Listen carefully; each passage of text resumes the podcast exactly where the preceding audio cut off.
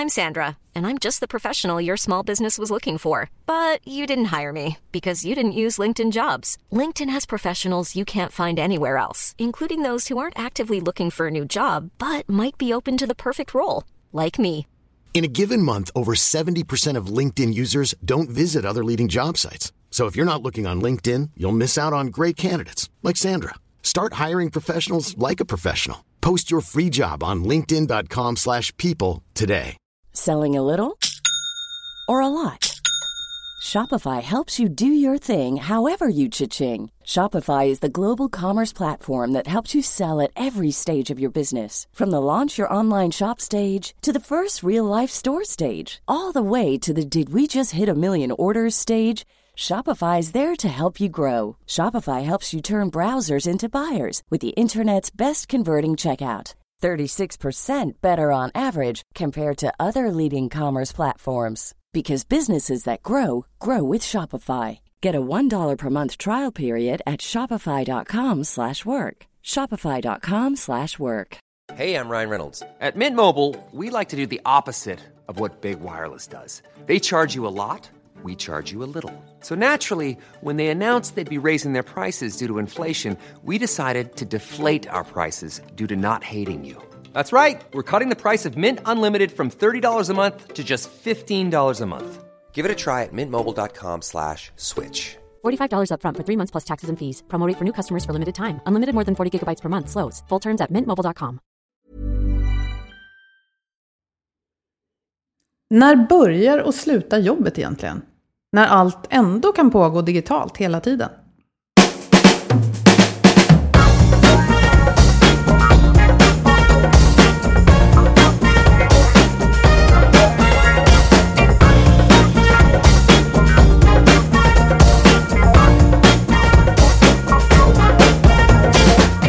Här är Health for Wealth, en podd om hälsa på jobbet. Vi är Ann-Sofie Forsmark, hälsomanagementkonsult och Boel Stier, copywriter och kommunikatör. Vårt motto är att hälsa och lönsamhet hör ihop om man satsar långsiktigt och hållbart. Men hur gör man för att lyckas? Det tar vi reda på i den här podden. hej och välkomna! Idag ska vi prata om det gränslösa arbetslivet, som man, ett begrepp som man slänger sig med väldigt mycket. Och, eh, det är ju så att det blir mer digitaliserat och eh, ja, man kan i princip jobba hela dygnet, var som helst och när som helst. Inte alla, men en del dimensioner av jobbet ofta kan pågå, om så bara i huvudet. Och eh, det kan leda till att vi alltid är på inom citationstecken och aldrig lediga och inte får tid till återhämtning. Och det ska vi prata om hur det är och hur arbetsgivare kan sätta ramar så medarbetare inte hamnar i stress och ohälsa. Men först vill vi berätta om någonting som Skandia har som vi tycker är bra. Ja, vår partner. Ehm, Och apropå ramverk då. Något som man lätt missar, i alla fall om man är ett litet företag eller precis har startat verksamheten, det är det här med tjänstepension.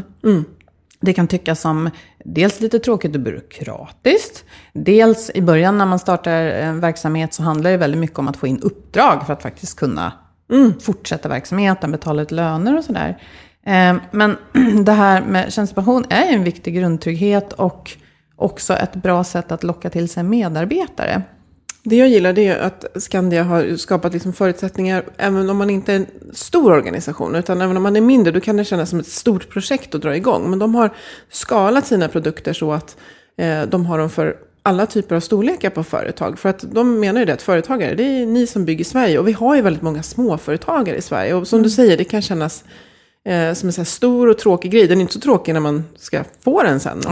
Utan då känns den inte så tråkig. Så att, men det handlar som så mycket annat om att eh, sätta igång och investera i det helt enkelt. Och det är bra eh, på många sätt. Jag tänker på eh, den byrå jag jobbar på nu. Jag vet att innan jag kom in, när, när det var en mycket mindre byrå, så där pratade min chef om mycket. Att det var en viktig del i att bli det här större, riktigt bra bolaget som lockar till sig riktigt bra medarbetare. Att man kopplar på en tjänstepension, har det erbjudandet. Så eh, ja, nej men spana gärna in Skandias eh, erbjudande. Det finns något för alla så att säga. Det behöver kanske inte vara så stort och dyrt som man tänker sig. Nej, det passar även för sådana som jag, som är egna. Ja, sätt igång Annie. Viktiga Yes, grejer it's från on. mig som gammal egenföretagare. Gör något hellre än inget. Eh, ja, läs mer på skandia.se. Vi lägger länk i inlägget som alltid. Så gör vi. Och nu säger vi välkommen till dig Gunnar Aronsson som är professor i arbets och organisationspsykologi vid Stockholms universitet. Välkommen! Tack, tack. Du är här för att vi läste eh, några rapporter som släpptes via Arbetsmiljöverket och bland annat då en forskningsantologi som du har varit med och satt samman om det gränslösa arbetslivet. Och en, en formulering där som säkert var menad att haka tag i människor och som vi fastnade för. Det var det här att eh, många människor, jag minns inte liksom, vilket utsnitt av, av eh, ar, arbetstagare vi pratar om egentligen. Men många människor lägger så mycket som 45% av sin arbetsdag på mejl och telefonsamtal. Och då tänker jag, hur sjutton ska man hinna jobba när det är så?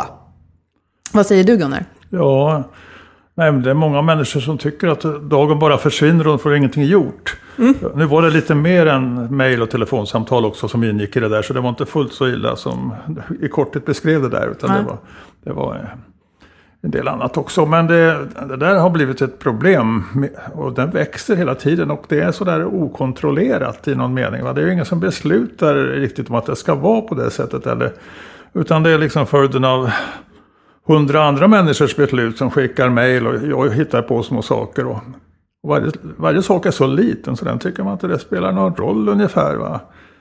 Men tillsammans så kan det bli väldigt mycket. Och det tror jag vi alla känner igen oss i, eller många i alla fall. Ska de här bara. små duttärendena uh. som egentligen är någon annans agenda. Som liksom kapar ens arbetsdag genom att hela tiden så här, pling mm. plong, mm. det flaggas här och flaggas där. Någon vill något. Jag, jag, tänker på det här begreppet, när ska man jobba egentligen? Alltså det, den känslan just när mm. för, för det här andra som ingick, är det då möten och är, är det så? Ja, det var möten ja. och det var liksom spontana samtal och det var mm. fakturer stod det till och med tror jag att man skötte. Usch för sådana. Ja, det var säkert något mer också, men det var väl mm. folk som upplevde det här att det här är inte det mitt riktiga jobb. Utan det här, jag, jag, är här för att göra någonting annat och sen så kommer de här sakerna. Nej, men det har ju kommit en, eh, lite forskning kring sånt här också. Mm. Eh, jag har ju hållit på lite med det jag kallar för illegitima arbetsuppgifter. Aha. Mm. Ja, och de är inte olagliga. Nej. Men de är liksom inte legitima i förhållande till den personen som gör det. Eller det finns två typer av sådana här illegitima arbetsuppgifter. Och det ena är, det, är de som kallas för oskäliga. Och de är egentligen någon annan som skulle göra. De har hamnat fel, eller det är en organisationsfråga. Någon borde göra det, men det är inte jag, för jag har ett annat uppdrag. Och sen den andra typen, det är det som kallas för onödiga arbetsuppgifter. Mm. Och de, eh, skulle, de är onödiga egentligen när man organiserade arbetet lite bättre eller hade datasystem och program som funkade bättre och kunde kommunicera med varandra och så vidare. Men, men det här är intressant, för att i båda fallen så pratar vi nu om digitala stöd och verktyg. Att de kan kapa mm. vår arbetsdag, därför att det går att använda dem så lätt. Men sen säger du att om man hade bättre datastöd, då skulle vi kunna organisera annorlunda. Vad är det som brister här? Vad är det vi missar att göra? Alltså det, det är många saker som är... Förstå, de flesta saker är förstås jättebra med datasystemen. Det är många saker som är dåliga också. Och, eh, till exempel så eh, läkarna i Skåne eller Malmö. De anmälde till och med datasystem till Arbetsmiljöverket. Mm. För att, för att eh, kunna ta fram uppgifter om en patient så kunde man vara tvungen mm. att in i upp till fem olika datasystem för att få ut de uppgifter man behövde. Oj. Och det ansågs mm. som en så arbetsmiljö, stort arbetsmiljöproblem så det, var, det anmäldes. Mm. Så det är väl liksom det nästan värsta på något sätt när en människa har en kund eller en patient och sen så strular de här systemen. Ja, och sen så har man något annat mm. som är det viktigaste man ska göra. Mm. Och att de inte pratar med varandra, då hade man ju lika gärna kunnat ha ett pappersarkiv som man bläddrade i på fem olika ställen. Det skulle man kanske kunna ha, men får ju säkert en del problem då också. Ja, men jag tänker då har vi inte kommit någon ja. vart. Mm. Nej, men det, det, finns ju lösningar på sånt, eh, men det... Ja, och då får man ta i och fixa sånt. När det gäller sjukvården är det också sånt här med integritet och sådana där frågor som man inte har löst. Så det är inte bara liksom datasystemen i sig, utan det, de här illegitima arbetsuppgifterna de kan ju finnas där oberoende av datasystem. Mm. Mm. Beskriv det. Vad händer då? Ja, det är det här som vi började med. Alltså att var tog dagen vägen? Det var någon som stal min tid nästan. Ja. Det är massa Den känslan. uppgifter som, som gjorde att jag inte fick gjort det jag skulle. Ja.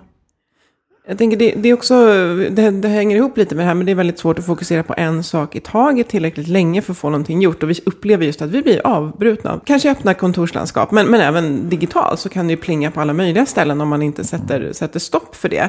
Vad, ja, och så pratar vi om kreativitet och många yrken kräver ju att vi tänker och löser problem. Men det står ju i kontrast till att vi blir utsatta för de här störningarna. Hur, vad har ni sett här?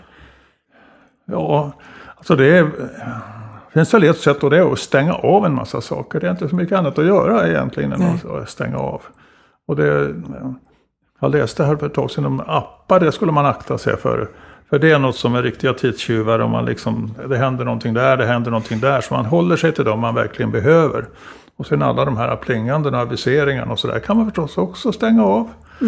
Och man kan, ja, man får ta itu med det där själv. Eller det måste bli någon sorts kultur på företaget också. Som, som gör att man lär sig att hantera det där. Och det är inte, men en hel del kommer utifrån. Så, eller man genererar själv sånt där för andra också. Genom att skicka ut saker som inte borde gå ut till alla och så vidare. Så att det är någon sorts disciplinering. Man går ju inte och knackar på på dörren hos någon för något litet struntärende. Eller ska, jaha, jag skulle meddela det här och så sticker man in en, lapp innanför dörren till någon. Så gör man ju inte, men då, man borde inte göra så i Nej. Datorsystemen heller. Det är en ganska intressant jämförelse. Att varje gång man ska skicka ett mejl kan man tänka så här, skulle jag vilja sticka den här lappen under dörren till den här personen nu? Men, men det är ju fortfarande så att då behöver jag ju troligen kommunicera med den personen. Men då tänker jag en lösning skulle ju kunna vara att om jag har löpande kontakt med ja, person A. Att istället för att duttmejla hela tiden kanske jag ska ställa samman frågor eh, och ärenden och skicka det två gånger i veckan. Ja, Ja, så kan man förstås också göra. Om det funkar så... så... Ja, sen är vi väl lite spontana av oss också så det är svårt att vara så disciplinerad kanske. Och, och, eh, så det är väl, det, men det är ju både mottagaren och sändaren som får skärpa sig om man säger så. Jag tycker du lyfter något viktigt där som jag. Du, man, är så här, ja det kommer in så mycket, men hur beter du dig själv? Och som du säger, att, oops. och jag kan också tänka just att, eh, att, att, som sagt, om man systematiserar hur man kommunicerar så skapar det ju förutsättningar för att vara lite spontan och skicka en lapp. När man inte håller på och skickar smålappar hela tiden. Då kan jag gå och säga så här, du, nu tar vi en kaffe eller någonting. För att jag har systematiserat. Men det tänker jag själv, vänta nu, hur beter jag mig själv som gnäller på Oj då, jag är visst Ja. också producent av Ja. de här titttjuvarna. Precis, så att eh, avsändare och mottagare båda har ett, ett ansvar. För att hur jag responderar kan jag också visa. Jag kan ju tala om så här, du, ska vi, ska vi göra så här när vi mejlar? Du har lärt mig till exempel. Så nu har jag jättelånga subject. För du vill ju gärna ha ett mejl per ämne.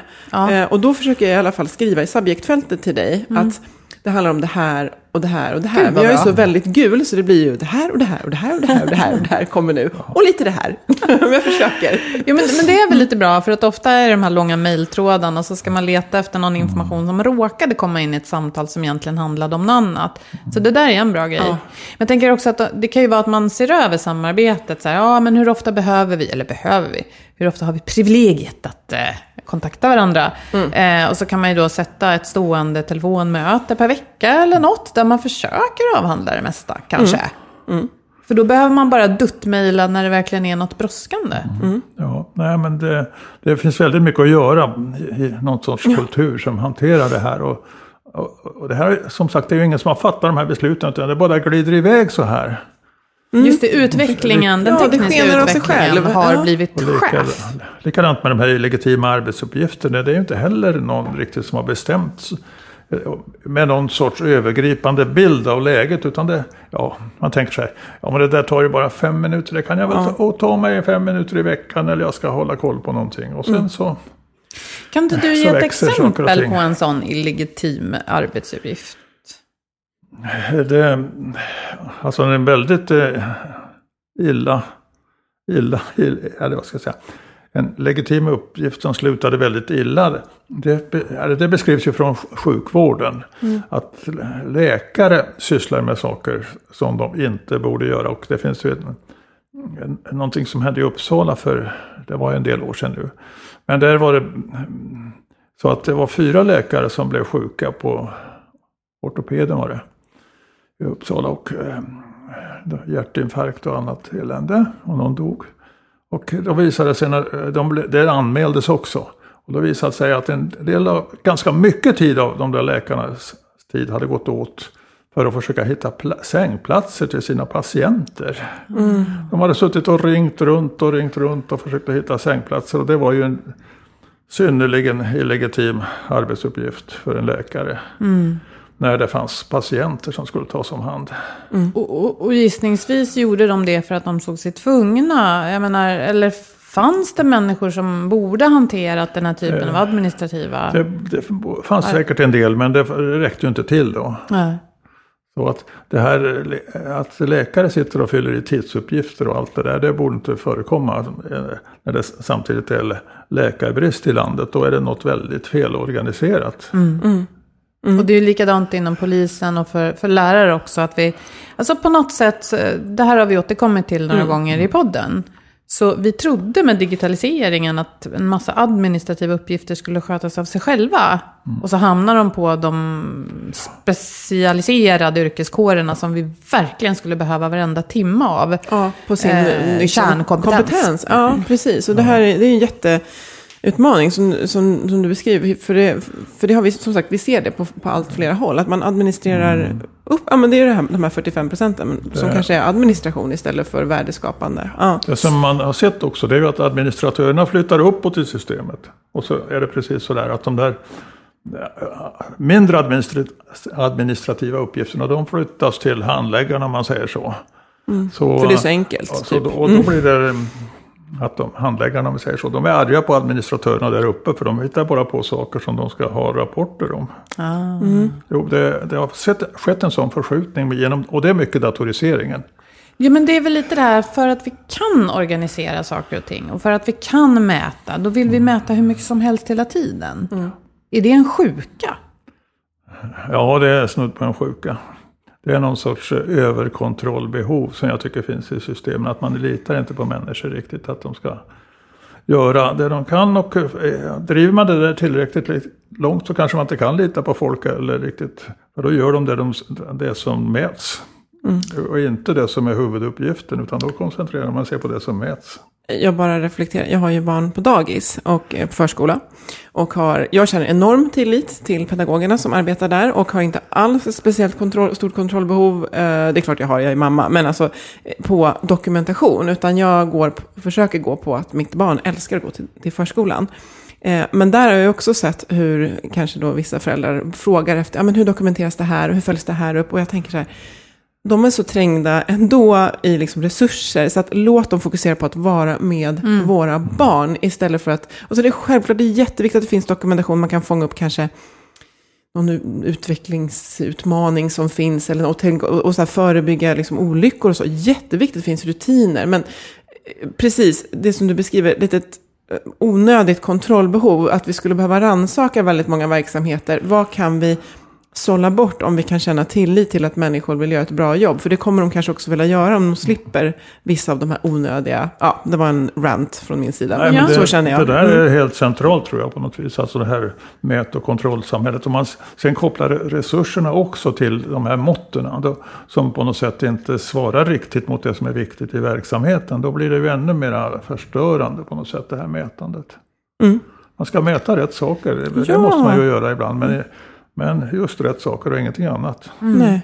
Och eh, kanske just rannsaka. Vad, vad, mäter vi och varför? Och vad, vad tar tid att mäta och kontrollera och dokumentera som egentligen inte... Genererar något värde. Nej, och där är det klart att tittar man sjukvård kontra kanske en inte så livsavgörande mm, privat verksamhet kommer det vara olika saker som behöver kontrolleras och mätas. Men, men, men precis, det har, det har blivit en sjuka. Det har skenat iväg, så, som du beskriver. Och som du säger då att då, eh, vad ska man säga, det drar undan marken för den här tilliten som behövs, som är så viktig för att vi ska må bra också.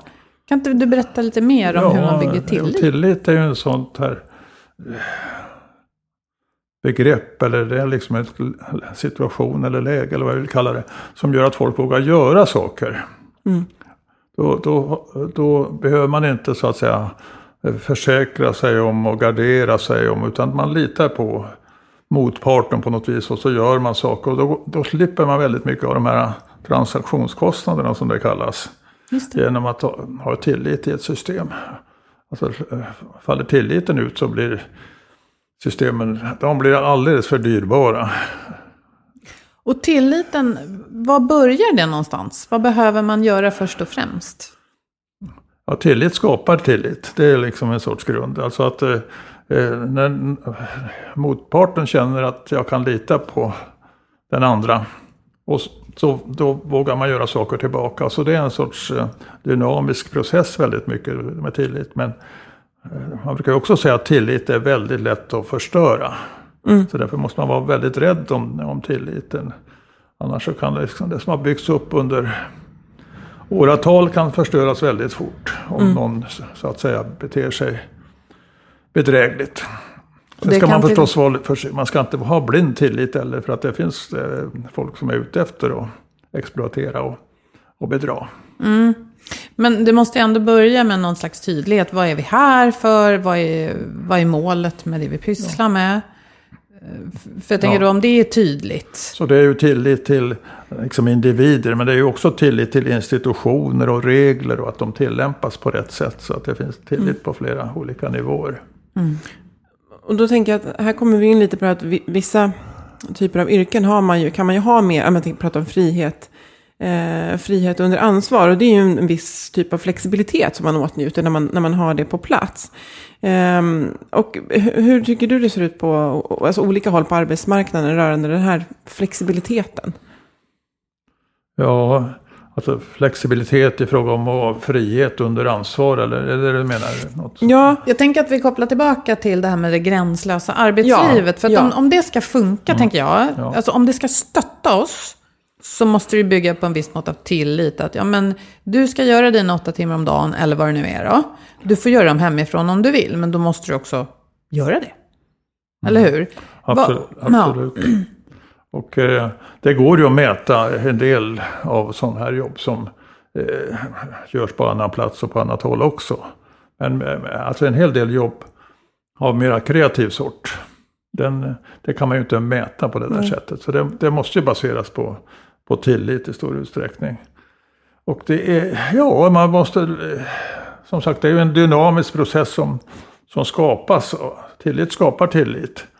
Och, och eh, det är en eh, vild blomma som bara blommar spontant eller vad någon som sa det. Ja, man kan inte skapa tillit riktigt på det sättet att eh, man försäkrar någon, eh, så här är det verkligen.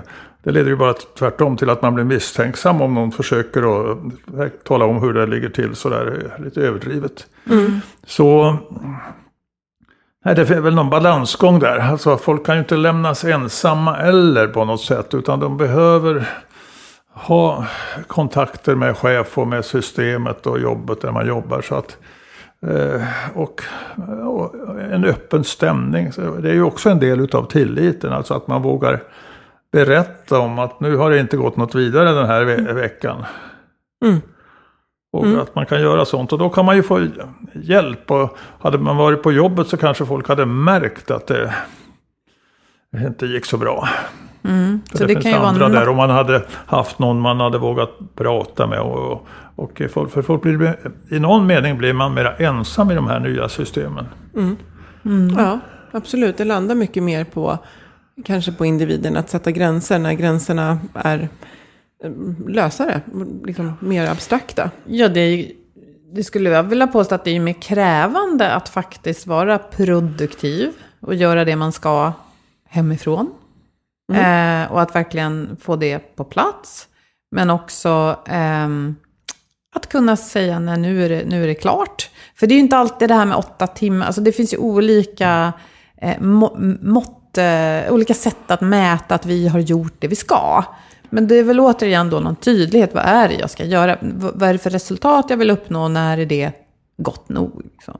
Absolut. Mm. Det, Nej, men vi, vi har ju pratat om det i termer av någon sorts yttre styrning och yttre reglering kontra egen reglering. Och det gäller ju både arbetstiden och platsen. Och det gäller ju arbetsuppgifterna. I något mer strukturerat jobb så finns ju sådana här befattningsbeskrivningar. Mm. Och där står det vad man ska göra och, eh, och underförstått också vad man inte ska göra eller bör göra eller får göra. Och då, då fanns det liksom en färdig form som folk kunde stiga in i. Här har, du, här har du din arbetstid, här är ditt skrivbord. Här är dina arbetsuppgifter och här är din plats i organisationsplanen som ser ut så här. Mm. Men det där måste folk till mycket större utsträckning ta hand om själva. Mm. Vi kanske behöver rusta människor i gränssättning och eh, alltså, det, det, det är typ av verktyg snarare än en hammare. Det är kanske det vi måste... Ja, vi har ju pratat mycket om det här med gränssättning. Alltså när vi började den här studien om gränslöst arbete då såg vi ju mera folk som någon sorts eh, ja, människor som reagerade på de här förhållandena. Men sen har vi skiftat över till mycket mer att se hur agerar nu människor under de här förhållandena. Vad gör man? Och folk gör ju saker och, och, och som handlar om att skapa gränser hela tiden. För det, annars så skulle tillvaron blir helt kaotisk och omöjlig. Vi kallar det gränslöst arbete och det är liksom en metafor som inte är så bra egentligen. För det, det verkar ju som det är gränslöst, men det, det låter ju som det är gränslöst. Men i själva verket pågår det sån här gränssättande hela tiden. Och vad, vad, är det för typ av gränser då? Jag tänker, när vi säger det gränslösa arbetslivet, om vi definierar det. Jag har uppfattningen, för att korrigera mig om jag missar något, att just det, vi, vi kan med digitala hjälpmedel jobba vilken typ dygnet eh, som helst och eh, varifrån som helst, ofta i många yrkes... Eh, och då kan det hjälpa oss. Man kan spara resvägar om man har små barn. Man kan... Alltså man sparar den tiden. Eh, man kan också vara fri att strukturera sitt liv lite mer så att det passar det här med balansen mellan eh, fritid och, och, jobb. Men det kan också leda till att man är på hela tiden. Och, och känner man sig då inte riktigt tillfredsställd, tänker jag, och inte känner att jag, man har levererat för att man har mejlat 45% av sin arbetsdag. Kanske man sitter där på kvällen och sliter och känner att man aldrig är klar eller bra nog. Va, vad ser ni här? Hur mycket stöttning är det och hur mycket hinder är det? Eh, alltså de flesta människor klarar det här hyfsat, så är det. Det, det tycker jag vi ser i våra undersökningar. Sen är det lite svårt att precis avgöra. utan Folk lägger sig till med de här strategierna som på, mer, ja, på olika sätt som gör att de kan hantera det. Och det finns liksom individfaktorer som gör att folk agerar olika och så vidare. Eh, och, det, och det är liksom ett samspel emellan arbetsplatsen där man är. Vad är det för sorts krav som kommer från arbetsplatsen på flexibilitet eller så att säga gå utanför de vanliga arbetstiderna och hur, hur tillåtande och hur möjligt är det att jobba så här gränslöst. Så det är liksom ett sorts stort mönster egentligen som folk, eller en geografi som folk rör sig i. Både tidsgeografi och rumsgeografi och, och in i organisationen där. Som är ganska annorlunda än, än det här gamla som sagt, här har du ditt skrivbord, här har du mm plats i organisationen. Men vilka blir stöttade av det här nya landskapet och vilka blir snarare hindrade? Alltså det, det är ju väldigt olika utbrett i, i den arbetande befolkningen där. De som har de här gränslösa jobben, det är i stor utsträckning högutbildade. Som har självständiga arbeten. Mm. Och som eh, kanske är så självständiga till och med så att det är Ja, det, det, är ingen chef som riktigt kan eh, styra och ställa med det hela utan det är personen själv som skapar nästan sitt arbete. Och, och, eh, och risken för sådana personer, den, som, de har kanske väldigt engagemang för sin uppgift. Och det är liksom att eh, jobbet är det mest meningsfulla i livet nästan. Risken för sådana personer är ju att det de själva går för långt i förhållande till mest då, liksom om de har en familj eller någonting så blir det problem på den kanten. De tycker jobbet är kul och alltihopa men det, det funkar inte gentemot människorna runt omkring socialt. Så man jobbar jämt och det går ut över familjen och fritiden? Ja, det, det, så, det är nog risken för den här superengagerade personen som har lyckats göra om sin hobby till sitt jobb. Mm.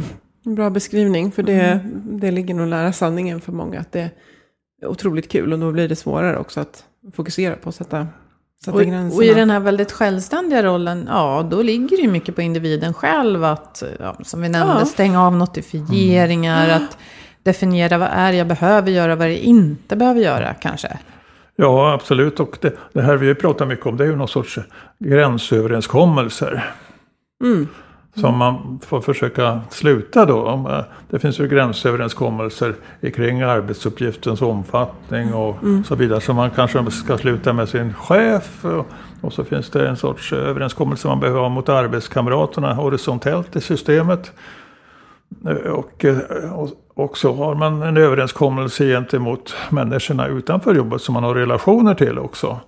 Och då, då blir allting ganska mycket lättare tror jag om man kan eh, göra sådana här överenskommelser och så får man väl stämma av och se om det funkar ibland och, och så vidare och så vidare. Men då är det någon sorts gränsreglering som man gör tillsammans med andra människor. Mm. Jag tänker om man tittar lite åt Europa och Frankrike till exempel och Tyskland som ju har betydligt striktare, alltså verkligen lagar och regler runt det här. Ehm, det har ju inte riktigt vi i Sverige, även om vi, vi faktiskt har en, en möjlighet att som de här läkarna gjorde, att faktiskt lyfta ett system och säga det här är ett arbetsmiljöproblem. Och det kan man ju också göra eh, om man, upp, alltså man kan upp, lyfta den digitala kommunikationen på en organisation som ett arbetsmiljöproblem. Det är ju konstigt. Men hur, hur ser du på lagar och regler runt det här? Vad tycker du? Alltså det, man behöver nog någon sorts normer tror jag. Men alltså lagar det är jag tveksam till. För det, blir, det är så trubbigt med lagar. Och, eh, och det här är en verklighet som ändrar sig väldigt snabbt också. Så att det är liksom en risk att sådana här lagar de, de blir helt otidsenliga fort som bara den. Utan eh, man skapar någon sorts eh, normer på arbetsplatsnivå och kanske liksom på högre nivåer också kring vad som är det lämpliga. Och eh, det, det måste ju finnas en frihet för individen själv att bestämma om sin tillvaro. Utan då handlar det mer om det här ska vi låta bli att och pressa på andra människor mejl utanför arbetstid och sätta ja, en mängd sådana saker som ingriper i andra människor, går över andra människors gränser. Mm. Jag tänker om jag pushar den lite grann så tänker jag så här att det är så mycket som händer och, och vi utvecklas, men rent evolutionärt, vi som människor och våra hjärnor och kroppar, de, de, de hänger ju inte riktigt med. Så jag tänker att förr i tiden så var det liksom skola på lördagar, men man fick jobba, alltså det var stängt på söndagar. Vi, vi, mycket som händer kan jag känna, det var en personlig reflektion, det tar inte riktigt hänsyn till våra liksom, humana behov, utan det är mer en, en väldigt snabbt rullande snöboll av saker som jag ibland känner att men min kropp hänger faktiskt inte riktigt med. Så. Hur, har du några tankar runt det? Ja, alltså stressforskningen den sysslar ju fram till ja, 20-30 år sedan väldigt mycket med vad är det som stressar oss, som varvar upp oss. Och eh, det har ju skiftat fokus väldigt mycket för det där uppvarvningen det betraktas ju, numera som någonting eftersträvansvärt att man kan varva upp. Och det, det, behöver man för att kunna prestera. Så det är inte där problemet ligger alls utan det är det här med återhämtningen, alltså komma tillbaka i vila och det har ju att göra med är- ja, människans fysiologi och biologi att göra. Alltså att människor är någon sorts ja, rytmdjur om man uttrycker det så. Alltså vi, behöver, vi har aktiv, behöver aktivitet och det mår vi bra utav. Men sen behöver vi återhämta oss ifrån aktiviteterna. Och faran med det här gränslösa arbetet det är ju delvis att, att eh, man har till, till, det är återigen liksom läggs på individen men det är ju inte riktigt men det är individen som ytterst handlar. Men att, så har man tillgång till jobbet dygnet runt så finns ju den frestelsen att man gör någonting. Man tar ett extra pass där. Är man lite tävlingsinriktad så kan man ju ta ett extra pass också. Ja, visst. Ja, lite, Och jag tänker apropå maktobalanser då, för ni nämner i de här rapporterna att det, man kan se det som att det finns en god flexibilitet som innebär då kontroll för individen själv. Eh, Men sen finns det också de som förväntas vara flexibla på andras villkor. Vilka yrkesgrupper är det? Alltså det finns ju någon sorts eh, flexibilitet inne i arbetet, i arbetsuppgifter. Och sen finns ju den här flexibiliteten som väl är, säkert också påverkas av det här.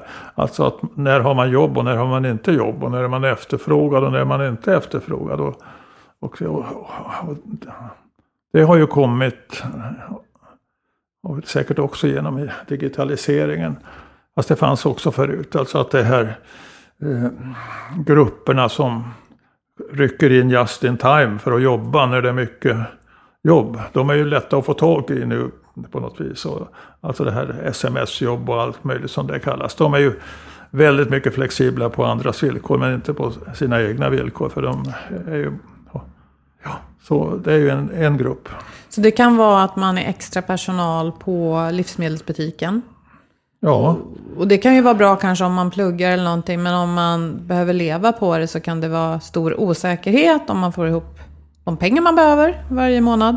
Och då behöver man kanske ta pass fast det inte, pass, ja, det inte funkar i livet riktigt. Flexibla inkomster och fasta utgifter. Ah. Ja, just det. Vad bra. Ja. Nej, men alltså en del av de jobben, de, eh, och det, det är inte riktigt utrett. Det är ju studenter och andra som har och, och som kan styra över det där ganska bra själv. Mm. Så de är det inte något problem för, utan de är det snarast en fördel att de kan ha lite extra knäck på det där sättet. Utan eh, det är ju de här som, människorna som kommer upp i 30-årsåldern och, och har fasta utgifter och, och, och håller på på något sätt och vill etablera sig och ha en mera stabil tillvaro och sen går de kvar i den typen av jobb. Och, Fast och man det, inte vill Det är då? väldigt mycket kvinnor som... Mm.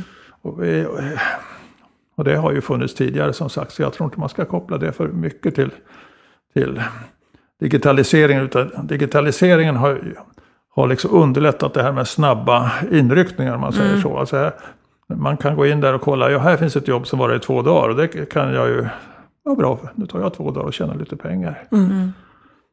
Jag tänker det vi, vi bollar fram, det är lite det här att vi behöver jobba med det på arbetsplatsen och sen behöver individen eh, jobba med det också. Men hur, eh, vad, vad, hur, hur ser du på vad arbetsgivarens ansvar är i det här med gränssättning? För att det inte ska kännas, och, och, och även det här med att det inte ska kännas som att 45 procent av arbetstiden går åt till, eh, vad, kallar du för, Ill, illegitima arbetsuppgifter? Legitima arbetsuppgifter Ja, eller, eller onödiga. Eller tidstjuvar. Tidstjuvar, ja. Hur ser du på arbetsplatsens möjligheter och, och ansvar?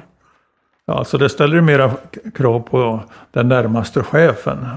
Som på något sätt, när den, chefen inte träffar sina underordnade så mycket som förut så måste ju ändå chefen på något sätt hålla sig underrättad av att arbetsmängden är någorlunda vettig för personen och att personen vet vilken riktning han eller hon ska gå och så vidare och så vidare. Så det, det förändrar ju chefsrollen i någon mening. Och Så den här direkta behöva- handledningen som kanske kunde finnas och det här lärandet på arbetsplatsen. Man såg hur de som var där gjorde och så lärde man sig indirekt informellt lärande. Så det är det, det som måste kompenseras på något sätt, det här informella lärandet på arbetsplatsen.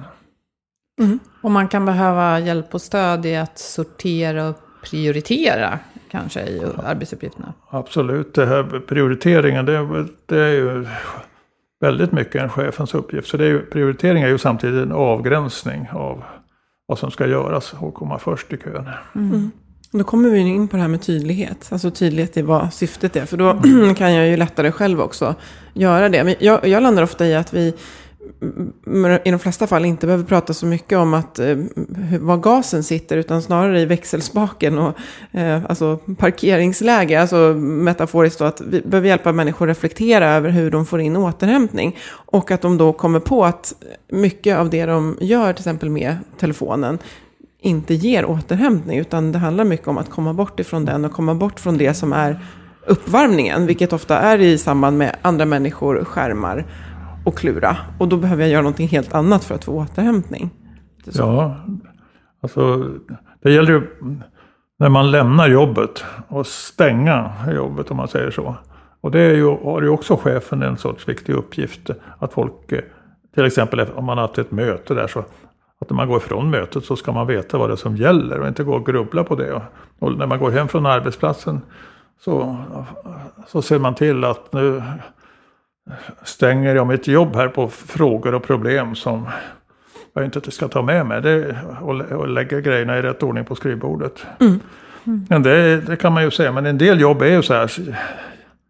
Särskilt inom eh, socialt arbete och annat. Att det inte är så lätt att stänga det där om man vet Nej. att något barn far illa eller någonting. Så hur, vad gör man? Så folk grunnar på det där på nätterna också och vaknar med mardrömmar. Så det går till viss del. Och och det har inte heller med digitaliseringen att göra. Utan Nej. det är liksom sånt som ligger i, i vissa typer av jobb helt enkelt. Och i att vara medmänniska tänker jag. För det, men, men där tänker jag, jag hämtar lite inspiration från en, en, en nära vän till mig som, som jobbar med väldigt svårt sjuka människor. Och hon gör ett fantastiskt jobb, men för att hon ska kunna göra det så måste hon också stänga av. Hon måste stänga av, hon stänger inte av att de är människor. Men hon, jag, jag tror att hon har beskrivit för mig att hon kommer till en viss lyktstolpe när hon är på väg hem från jobbet. Och fram till den så får hon grubbla. Men sen måste hon stänga av. För sen ska hon gå hem och vara mamma, partner. Och att det är inte att hon inte bryr sig om sitt jobb. Utan det är snarare för att palla med det dagen efter. Så behöver hon stänga av. Och det gäller ju oavsett om man jobbar med svårt sjuka människor. Eller vad det än är. Så behöver vi ju skapa kraft för att göra det igen dagen efter. Så att det är inte... Eh, det är av omtänksamhet. Både av sig själv och för det man jobbar med. Tänker jag lite. Ja, och det, det, slutsatsen av det här är väl att folk stänger av på ganska olika sätt. Hon hade ett sätt som hon gjorde det på. En del kanske var bäst av att lägga sig på soffan och blunda och höra på lite musik. Och en del ger sig ut och springer 16 kilometer. Och någon träffar kompisar och, och så vidare. Och eh, då får man försöka hitta sitt sätt. Tror jag, för att det, det tycks vara ganska olika. Men, ja, precis. Och, men just att förstå att man måste hitta det. Man kan behöva eh, jobba lite med det. För det kommer kanske inte av sig själv. Just med tanke på hur lätt det är att vara gränslös både i tanke och i att, nu- jag håller ju min mobil här, att hålla på med telefonen och mejlen och vad det kan vara. Mm. Det är väl eh, liksom farsoten nu på något vis. Att man äh, släpper aldrig telefonen ifrån sig. Den går man omkring med i handen ungefär. Och, Mm. och, och, och det leder ju inte till att man kan stänga av eller rensa huvudet eller vad man kallar det. Nej. Nej. Ja, så att det ligger en hel del ansvar på arbetsgivare. Eh, styra och leda och stå för tydligheten, hjälpa till med att sortera och prioritera. Och framförallt ha samtal, tror jag. Prata om de här bitarna och förstå att de, de, de kan kännas abstrakta. Men det här är faktiskt våra, en av våra största utmaningar rent arbetsmiljö och hälsomässigt just nu. Så att vi kan inte backa från det. Vi måste prata om hur vi, hur vi hanterar det här. Vår tes är ju att hälsa och lönsamhet hör ihop om man jobbar hållbart och långsiktigt. Och det verkar ju stämma rätt väl överens med det ni kom fram till i de här rapporterna. Ja, det tror jag. Att hålla en sorts kultur med öppenhet så man kan prata om de här sakerna.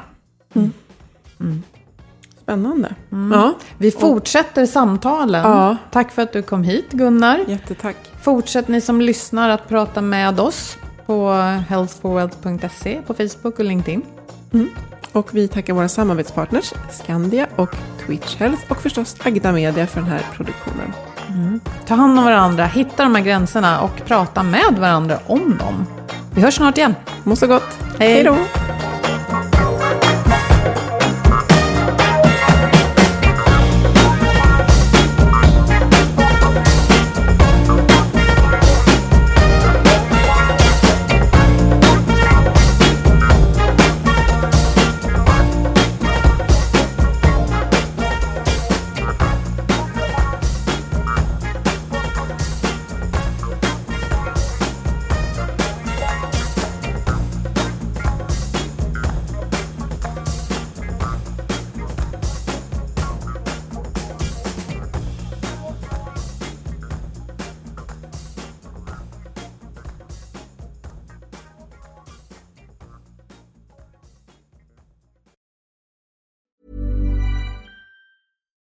We're on a budget, we still deserve nice things.